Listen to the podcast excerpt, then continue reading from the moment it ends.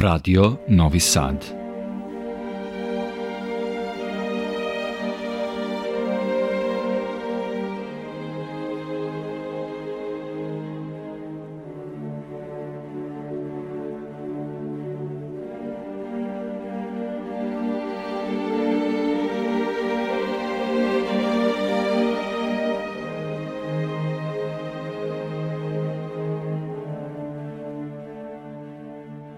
Dobroveče, poštovani slušalci.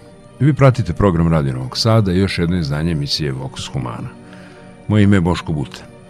Sa radošću vam predstavljam vašeg i mog večerašnjeg gosta, doktora Darka Polića, urbanistu, pre svega bazičnog arhitekta, čovjeka koji se bavi planiranjem. Dakle, mnogi bi sada skočili i rekli, aha, to je jedan od onih ljudi koje treba da hvatamo za gušu, a mi ćemo shvatiti zapravo šta je urbanističko planiranje, šta je prostorno planiranje, šta sve čovjek koji se time bavi mora da zna, između ostalog naš sagovornik je, osim svih svojih ostalih subspecijalnosti, vrlo, vrlo verziran i u tehnici i tehnologiji izgradnje koju je u toku postdiplomskih studija proučavao. Bliski su mu stilski žanrovi i žanrovske odrednice, bliska mu je umetnost, bliska mu je muzika, bliski su mu epohe. Dakle, ima sve adute i sve argumente da se svojim poslom bavi na najlepši način i da to može. Darko, dobroveče, dobro nam došao. Dobroveče, hvala. Budući da je ovo večernja emisija u večernjem satu koju smo mi tako ustrojili da stvari, ljude, događaje, fenomene prikažemo iz neke malo izmištene vizure, da ih ogolimo, da ih prikažemo iz jednog drugog ugla, ne bili ih lakše percipirali. Ponekad postižemo i za dekonstrukcijom stereotipa, nikog nećemo pljuvati i prozivati, to nam nije posao. Možda ne bi bilo zgoreg na početku da čujemo šta zapravo znači baviti se prostornim planiranjem, šta je podrazumevano da zna da bi se time bavio. Divno pitanje, onako, ja bih rekao u kategoriji onih pitanja od milion dolara ili šest misle života. Da, da, da. Biti planer nije lako, sad to zvuči kao neka fraza, ali ako krenemo samo da pokušamo da, da ocrtamo ili da opišemo tu definiciju šta je to planer, hajde da sebe postavimo zapravo kao jedan niz, odnosno za sada u ovom trenutku vremenskom, eh, jedan niz razmišljanja koje kreće od humanizma i renesanse, u kojoj je ljudski rod, kroz naravno neke važne spise, Tomasa Mora, na primjer, koji kaže da utopija postoji. I on je detaljno opisuje kako je ona funkcioniš ili kako ona izgleda, kako ona prostorno uređena. Znači, matrica u kojoj je idealan svet, odnosno zemlja koja ne postoji, to bi bila neka gruba, eh, grubi prevod utopije, u stvari bi stvari mogle da izgledaju. Čini mi se da je taj neki ideal koji je on pokušao da opiše, a mi smo tragajući za tim stalno u tom, kažem, dugačkom nizu, zamišljajući raj iz kog smo izgnani i pokušavamo da se u njega vratimo ili da ga ponovo nacrtamo sa svojim novim znanjima i iskustvima, pokušavamo da ga definišemo sada u ovom trenutku. To je veliki izazov.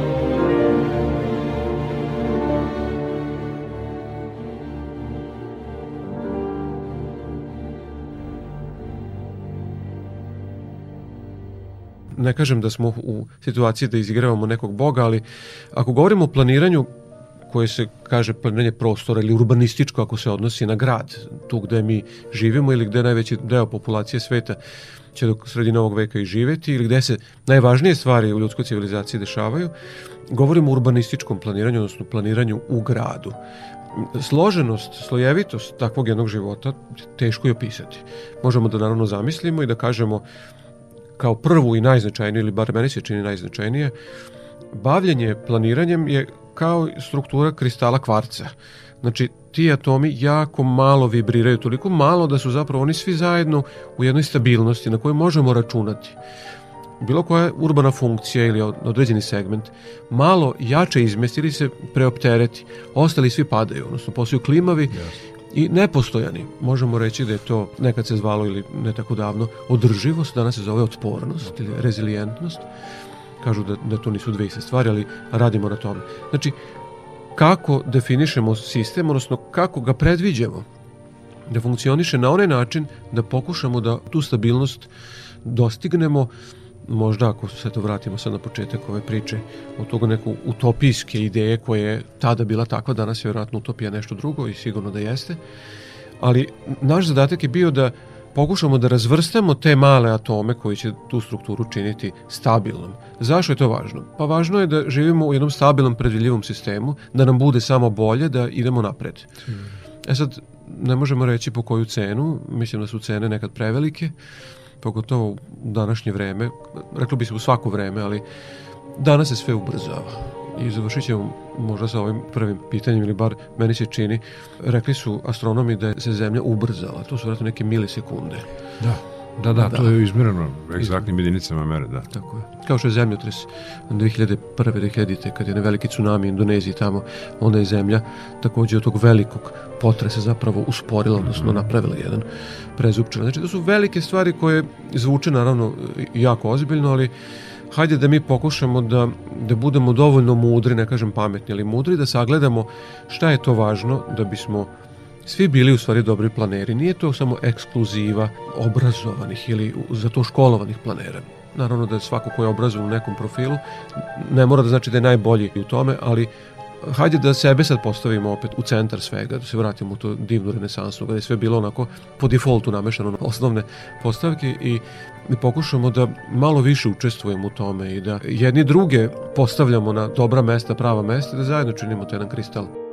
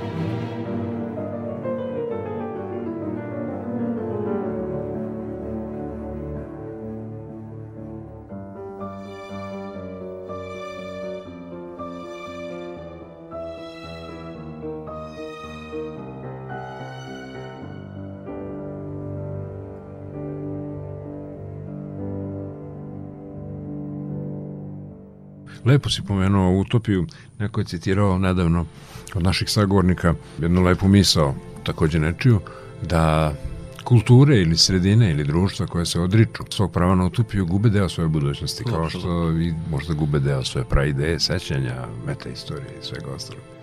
Ono što je meni interesantno je, mogu da shvatim da je tvoje jako raznorodno, široko, multifokalno obrazovanje na izvestan način usmjereno tvoje stvaralačke aporije i tvoje afinitete i želje. Ti si jedan od ili možda jedini potpisnik aplikacije za kandidaturu našeg grada za Evropsku predstavnicu kulture 2021.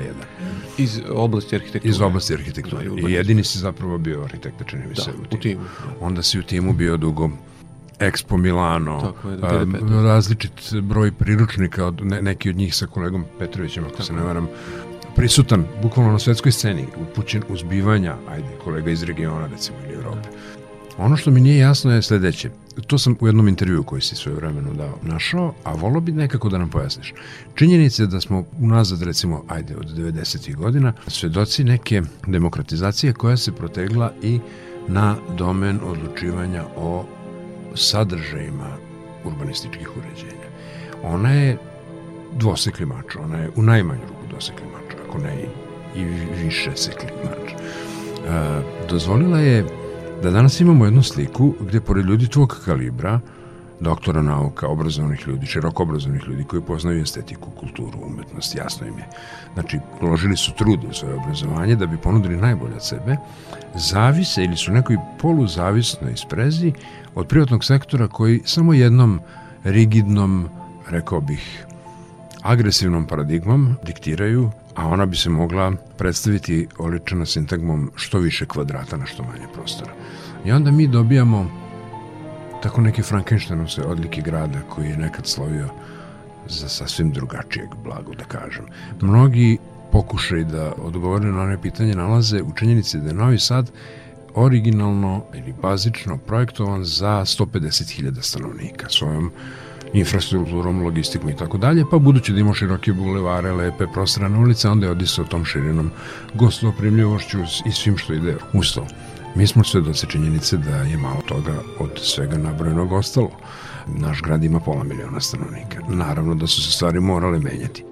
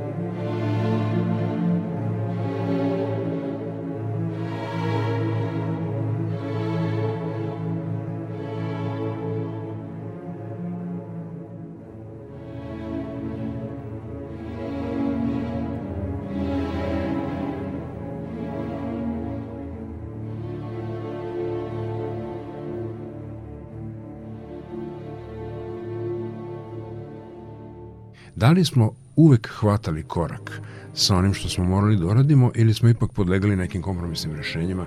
Verovatno da da. Pa, odlično pitanje, složeno i, jako dobro, ali prvo što si rekao je, rekao si vizija. Da. To je ono što je jako važno, ono o čemu moramo svi da razmišljamo ili da pokušamo da imamo neki konsenzus. Ja verujem da je to moguće, ali kad pitamo političare, a šta vi vidite odnosno ako dolaze na neki mandat od četiri godine, kao šta vi vidite pete godine ili četvrte godine pred kraj, šta ćete postići? Tako. Šta je to što, čemu vi težite ili u nekom uh, okviru koji vam je dato funkcionisanje, šta vi nama obećavate? Mhm. Zbog čega bismo mi za vas glasali, ne znam, za, za partiju A, B ili C, potpuno nebitno koje. Da bi sad odmah je odgovorio na ovo svoje pitanje, na tvoje pitanje, je strašno zanimljiv razgovor koji sam imao sa gradonačelnikom Poznanja, koji je bio dosta dugo gradonačelnik, sada je zamenik gradonačelnika, Kaiser se preziva, Poljak. E, Njegova priča je jako zanimljiva, možda može nama pomoći da shvatimo gde smo mi danas ili kako sad taj gradonačelnik tamo bio toliko uspešan, ne znam koliko mandata. Samo dve rečenice o Poljacima koji su strašno zanimljiva jedna nacija. Kada se desio pad komunizma, on je dosta jasno krenuo iz Poljske solidarnost, sindikat i tako Lech Valensa, koji je bio nosilac, mada ne e, intelektualna vertikala tog Da, pokreta i da, svega. druga vrsta potencijala. Da. Tako je, koji je dobro iskorišćen, ali gradonačelnik Kaiser je mlad čovek te generacije poslat u neku Ameriku ili u Englesku, tamo se školuje, vratio se u Poljsku, ne da bi ta, nije uzet da bi tamo ili otišao tamo da bi ostao, nego se vratio. I on je u nekom trenutku ta partija koju on vodio dobila vlast u Poznanju i on prvo što je krenuo počeo da pravi razgovore s građanima. Pozvao je građane i to od vrlo jednostavnih stvari. Da ova ulica nije važno koja, promeni smer zato što to donosi boljitak ovakav, ovakav, ovakav u jednom sistemu saobraćaja. I pojavili su se neki ljudi, prvo onako od e, samo interesovanja, onda iz znatiželje, i radeći tako, na jedan od ovih vrlo važnih načina tako sa ljudima, došlo je, njegov reizbor je pošao lako, e sad drugi reizbor je već bilo, aha, neke partije su rekli, pa dosta više sa vama, hoćemo mi, mi obećavamo za Poznanj metro. A građani u dosta velikom broju, tako naučeni u tih 8 godina, kaže, ne lupajte gluposti, Poznanju ne treba metro iz tih tih razloga. I on opet dobije mandat što je jedan fantastičan, fantastična priča u kojoj možemo da kažemo da sva snaga leži u narodu, ne onako radi floskule demokratije, ali ništa nije održivo. Da ne kažemo, neću se vraćati na taj kristal, ima da mi se sviđa ta struktura, jako je vizualna. Mi ne možemo da postigamo ništa ako smo sami, ako nas je dvojica, kažemo mi ćemo sad promeniti grad ili mi hoćemo ovo, ne možemo ni sa kim da radimo, da se dogovorimo, eto mi ćemo to tako. To je mehur od sapunice koju smo mi sada pustili u etar i on će da nestane za dve sekunde.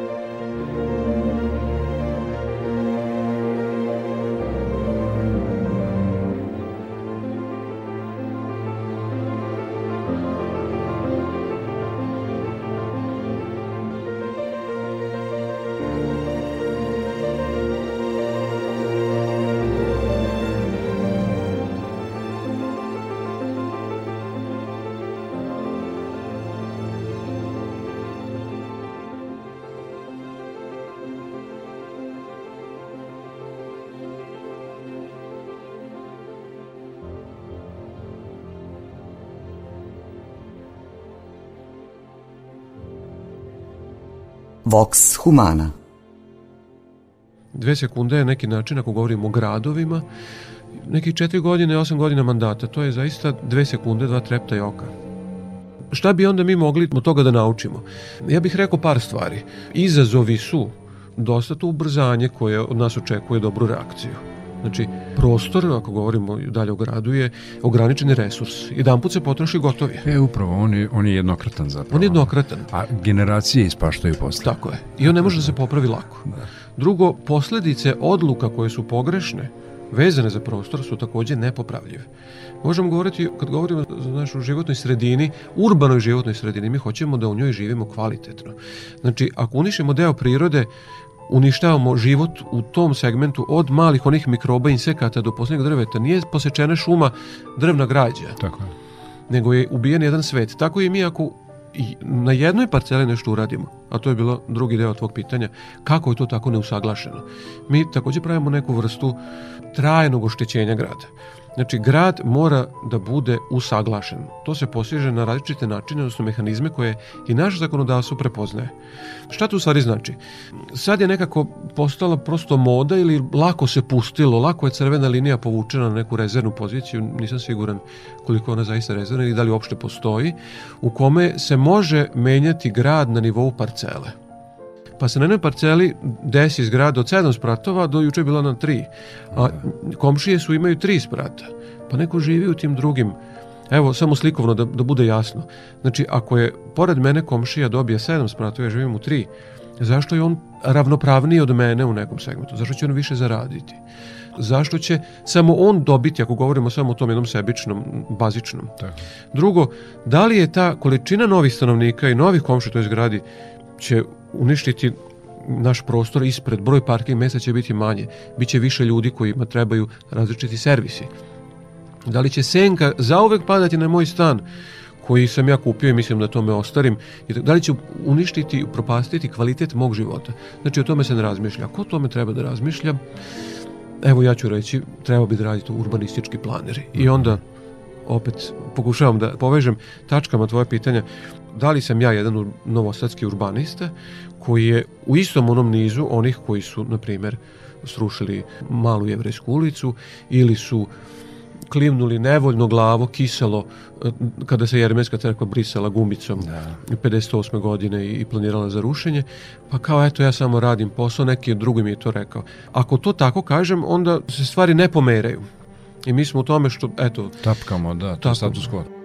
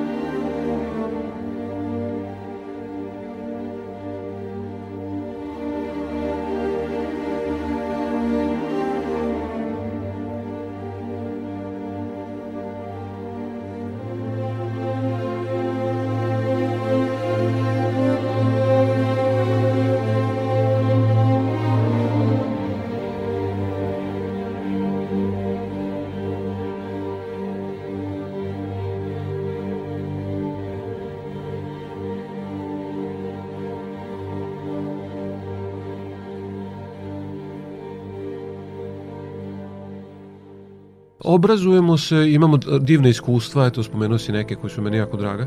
Slušamo druge pametne ljude ili vidimo kako druge gradove funkcionišu, ali dekodiranje uspeha tih drugih sredina je dragoceno za nas, ali je potpuno besmisleno ako to dekodiranje, odnosno tu šemu koju mi smo videli, ne možemo ovde preneti. Nek ide sva čast, slava i hvala političarima da su dozvolili, oni se i na engleskom zovu donosioci odluka. Da. Oni bi morali biti bilo koji da su, uopšte ne govorimo partije, znači donosioci odluka moraju da misle da dobro razumeju svoje saradnike u različitim oblastima. Moraju biti u užoj i tešnjoj vezi sa vama, moraju vas slušati. Moraju razumeti, da, da, oni moraju da slušati, moraju razumeti zašto je to važno.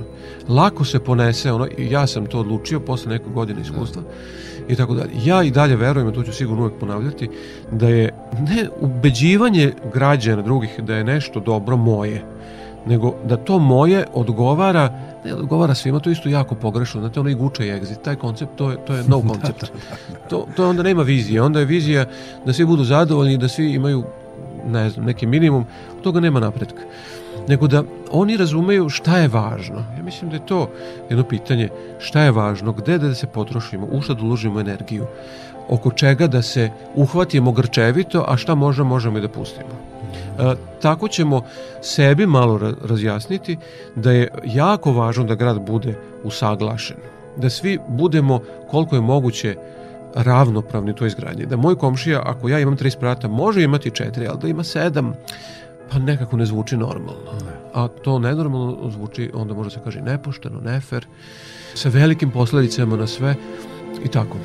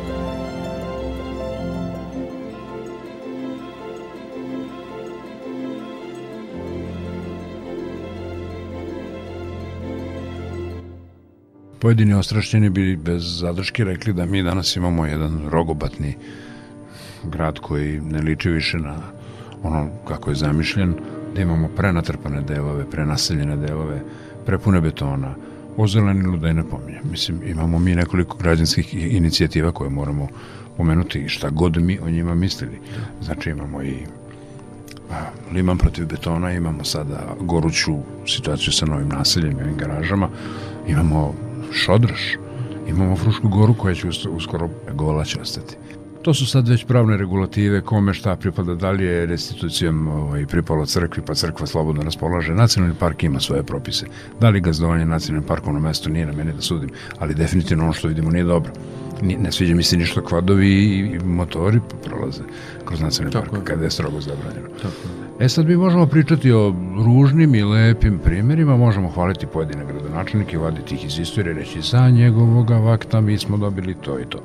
Malo drugi će da kažu, ne, Mi smo dobili pozorište koje je na masovnoj grobnici, koje ne pripada ni arhitektonski, ni stilski, nikako se ne uklapa u taj da. Ona je trebalo da bude tamo gde je rektorat sada, u Šumici kod filozofskog.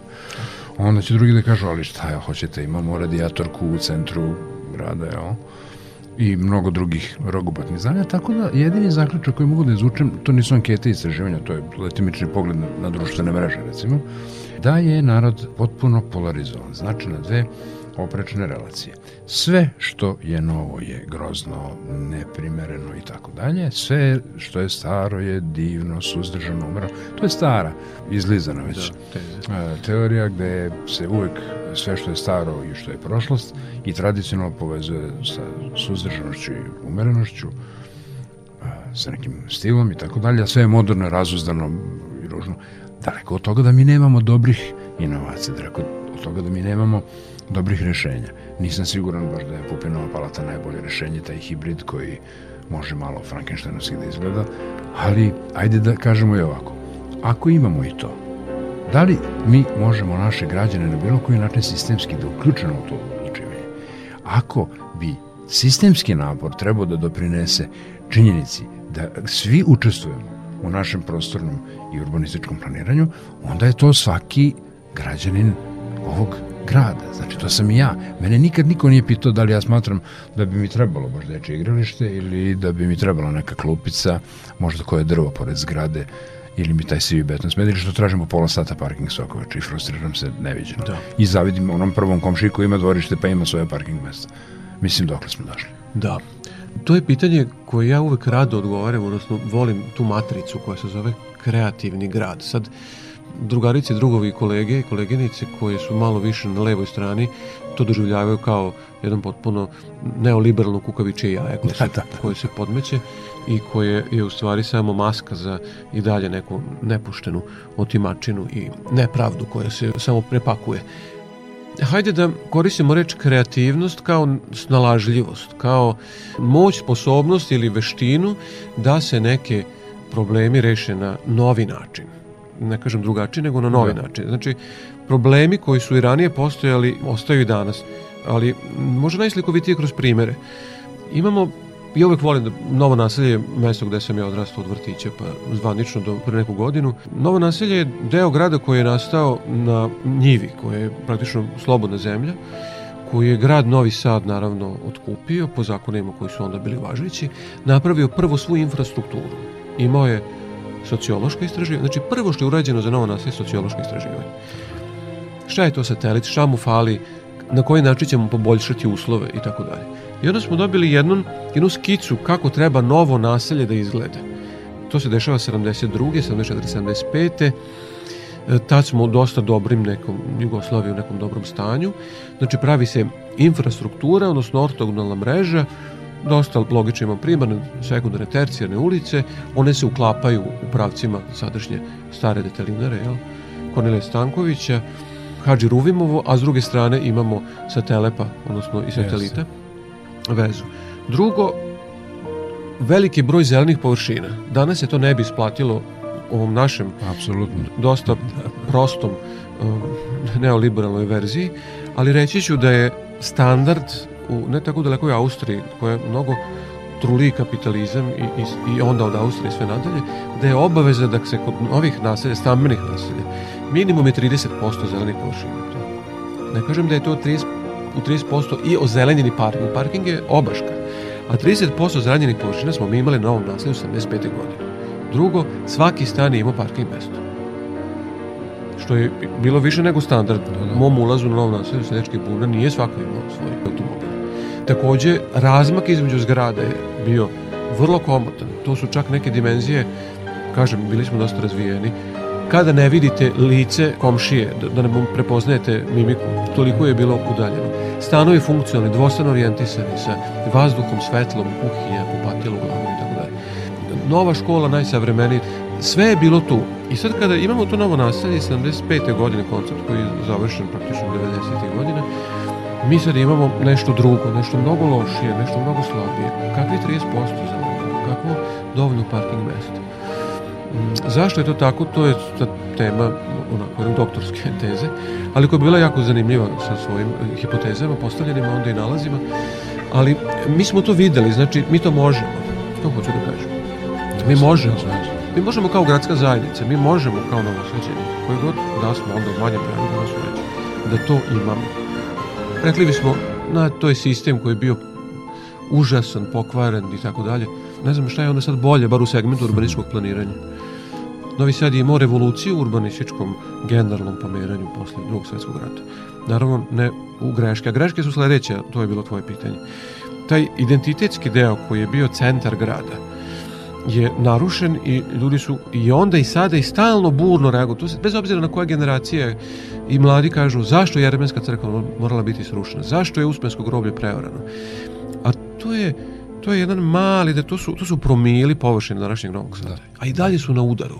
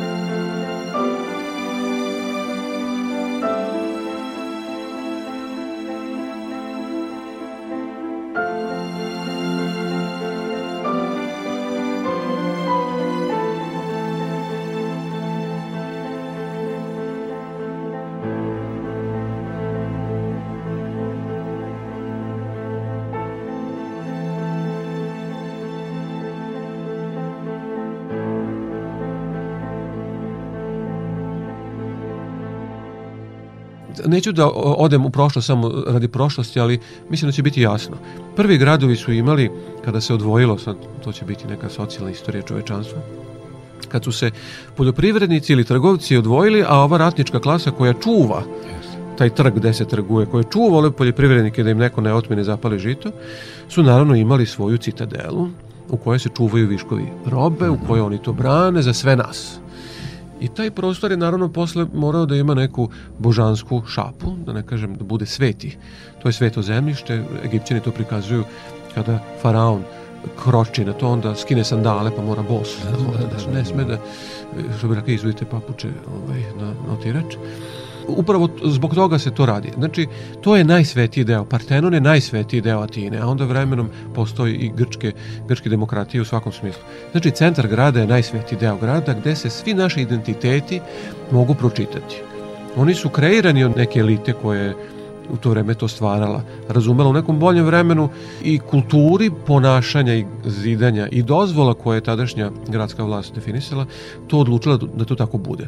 Različite verske konfesije u Novom Sadu su se jako trudile da svoje hramove prikažu na najbolji mogući način. Nije to rekao vladika Bački, samo to ćemo da. tako, nego imao bio je to jedan, jedan slojevit, jedan obrazovan svet koji je rekao mi sad, mi sad nemamo para za novu sabonu crkvu Svetog Georgija, ali možemo da je ulepšamo imamo novi ikonostas, imamo nove vitraže, imamo novi nameštaj, total design, fenomenal Pajo Jovanović ikonostas i imamo naravno novu zvoničku kapu, zvonik je malo popravljen, stradao je u buni, divna, ogromna, fenomenalna, možda meni najlepša, da li sam na nju navikao.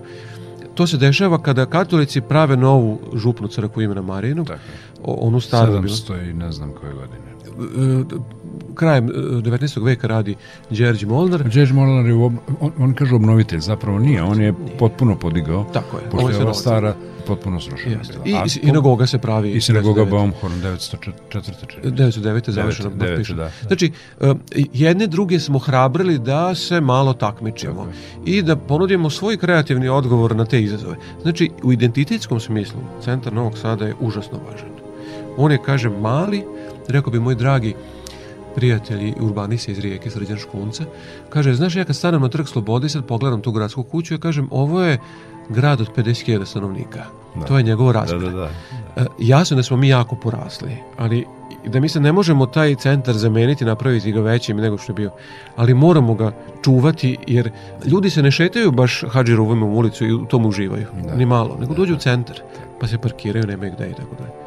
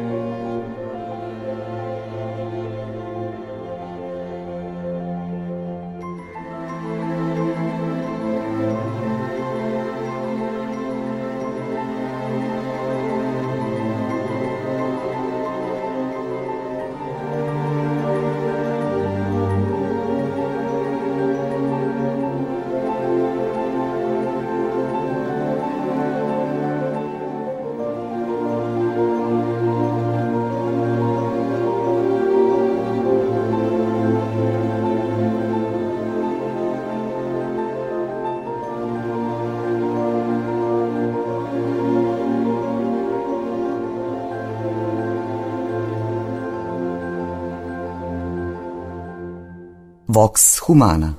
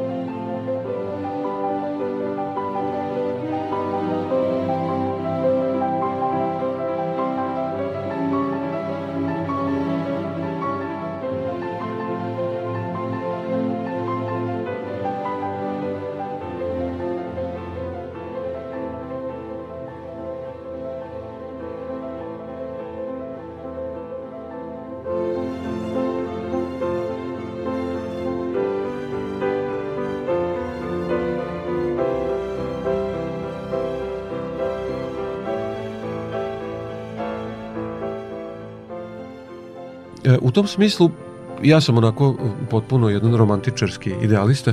Imao sam jedan, dva teksta o mogućnosti obnove Jermenske crkve i čak sam se dopisivao sa prethodnim predsjednikom Tomislavom Nikolićem. Mm -hmm.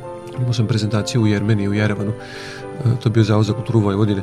I bilo je dosta zanimljivo i, imam još uvek taj neki dopis da je možda moguće obnoviti toranj Jermenske crkve kao neki simbol i tako da mala evreska možda isto moguće obnoviti. Imamo dosta elemenata kad bismo se potrudili, kad bi nam to bilo jako važno.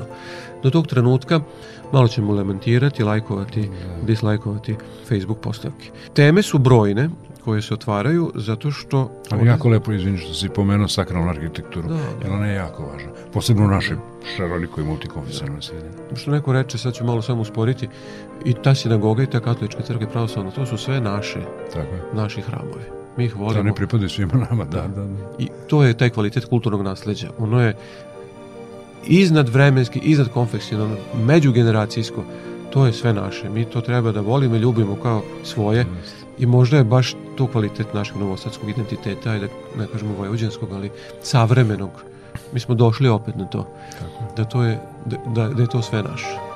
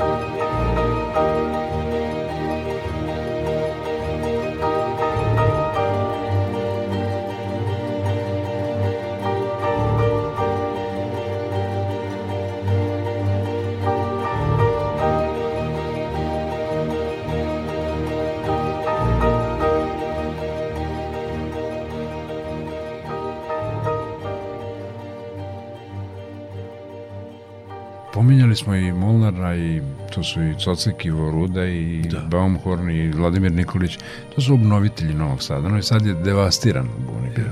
849. I oni su zapravo Pa to je morao biti neki, neki prefiks neo, jel? Ako da. kažemo da je to secesija, to nije čista secesija, jel?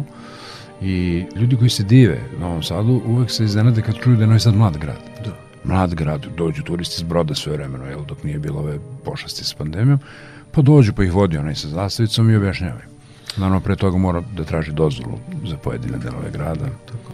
što je možda malo opet vam pameti, ali dobro, nije na meni da o tome razmišljam. I onda shvatite da postoji ogroman broj naših sugrađana koji nikad nisu ušli u sinagogu, koji nikad nisu ušli u župnu crkvu Ivana Marina, koje mi uporno zovemo katedrala, što je pogrešno. Dobro, to je možda čak i od milja. Da. Katedrala tamo gde je sedište biskupija, to je Subotici. Koji ne znaju da li, da li, da li su čuli kad te orgulje koje su maestralne, koje su čak nešto i renovirane. Ne kažem da im ne bi trebalo ponovo malo ovaj, odahnuti života, ali u svakom slučaju znači ne svodi se sve samo na tri neka objekta ili toponima u blizini, nego je ta šarolikost jako povezana. Sve vremena postavili, postavili ideju nekim multimedijalnim billboardima gde bi ljudi praktično mogli da u kući prstom vide šta se gde, kako dešava, to nije bilo prihvaćeno. A to je baš i Fondacija 021 koji si ti praktično osnivao promišljala, napravili su neke druge projekte koji su se uvek kao mantra ponavljali u jednoj matrici od centra ka periferiji, od centra ka periferiji, što je dobro, što je okej, okay. centrifugalno da, ali to ne znači i od elite ka margini. Jako ne bi volao da dođe zabune u tom smislu. Jer onda opet dobijamo onu jezivu segregacijonu relaciju na elitističku i, da. ne znam, populističku umetnost, tako? Ili kulturu, ili bilo da, Da, da, da. Dobro je pitanje i, i složeno, naravno. Evropska predstavnica kulture je jedna fenomenalna prilika za grad Novi Sad, ali pre svega za građane koji su dobili, to je once in a lifetime. Da, jednog i to moramo opravdati, da, definitivno. Da. I rad je ili dobra ili loša evropska predstavnica kulture i to posle ostane neka stigma ili Maribor je recimo imao loše iskustvo, nažalost, a, a bila je prilika da se pokaže. Meni su zanimljivi srednjoevropski gradovi, srednje da, da. veličine koje da, se da. možemo porediti. Temišvar je uh, se bio, mislim, bio 2007. godine, a, a sad je uh, Temišvar drugi put uh, rumunski grad. Zbog toga što je to prilika i u našem vremenu i za vreme našeg stvaranja, da ne kažem, prirode kada smo najplodniji i ne kažem samo neke srednje generacije, nego mm -hmm. svi mi koji smo živući i razmišljajući i radini ljudi koji treba dobro iskoristiti, koja je prilika da se stvari poprave, koja je prilika da se kultura koristi kao platforma za popravljanje stvari, mi smo se opredelili, odnosno naši savjetnici, da tu budu mostovi. Znači, mi zidemo mostove. To je novosadska frustracija iz 90-ih. Da. da su mostovi srušeni i da ih mi obnavljamo i onda je toga postala na fina priča koja može da bude novosadska i čini mi se da jeste jer mi jesmo bili most, mi smo grad most. Apsolutno, jedna lepa metafora, da. Da, i to je jako dobro i, i zanimljivo i naravno na engleskom je to zgodna igra reči, bilo je four new bridges, odnosno mm -hmm. za nove moste, odnosno four new bridges, četiri, četiri da, da nova mosta.